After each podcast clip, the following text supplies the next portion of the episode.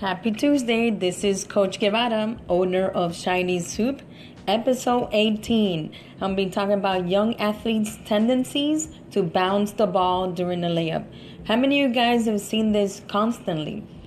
Either during high school games, NBA games, w, WNBA games, or just basketball leagues.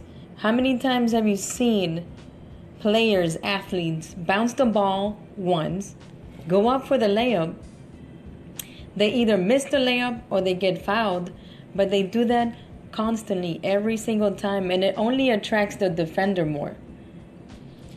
I don't know why they do it, but I'm going to go more in detail why I don't condone it and I don't understand it. So here goes, guys. This is Coach Guevara. Happy Tuesday. Young athletes' tendencies to bounce the ball during a layup is a constant battle and a bad habit, in my opinion. It's not their fault. Whomever taught them the basic fundamentals of basketball did not correct them along the way. The sad part is, it's not only young athletes, it's professional players as well. You see it constantly in the NBA, WNBA, and in high school games. You ask, why is it a trend with athletes? Honestly, I do not have the answer to that question or the origin where that particular skill came from. However, as a private coach, I will correct it immediately. It not only attracts the, the, the defense more, but you're wasting time bouncing the ball once and then going up for the layup. Knowing that defender or defenders are ready to block the ball. Key word there. The defender is ready there to block the ball. I have never understood the concept and never will why athletes do that. My only logical explanation is to get foul. If that is the case, what are the chances the referee will call the foul and benefits your team?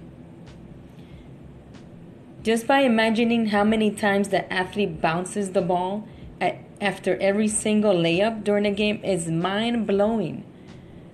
You ask me why. He or she will be exhausted by the first quarter just by bouncing the ball once, going up, bouncing the ball once, going up every single play. That happens all the time in basketball leagues, high school games. You see it you see it oftenly oftenly in NBA games as well. So it's a constant habit. I don't know why either. But I will give you one tip. I will suggest that athlete the athlete to automatically go up for the layup. Practice this drill 5 to 10 times during practice, and it will become a good habit because you're doing it constantly. It's a repetition, so it will become a good habit. It will be a win win situation grabbing the rebound and having the tendency to go up instead of going down. Either way is going to create a foul. A perfect example of a drill is do 10 layups on the right side, do 10 layups on the left side. The number one rule I have is to do it without dribbling. Try it out. You will see the difference during practice and at games. Not only will the athlete have more energy, but it, all, it will also create fouls. The defender is going to foul the opponent 70% of the time, or even more. I'm just guesstimating there. But guys, how many times have you seen that? That they bounce the ball once, they go up for the layup.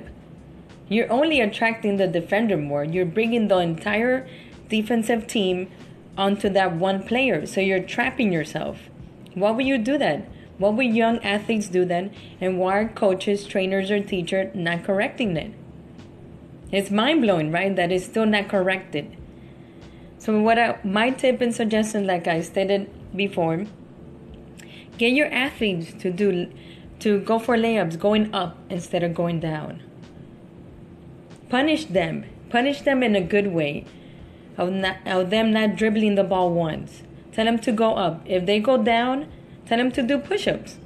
It only it's not it's not really a punishment. It's a benefit and will only benefit them.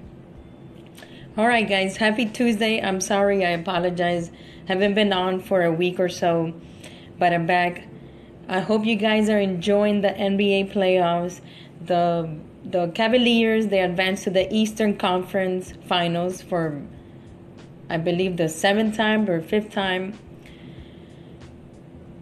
well, I'm happy for LeBron and the team. Wonder who they face off in, uh, in the Eastern Conference Finals.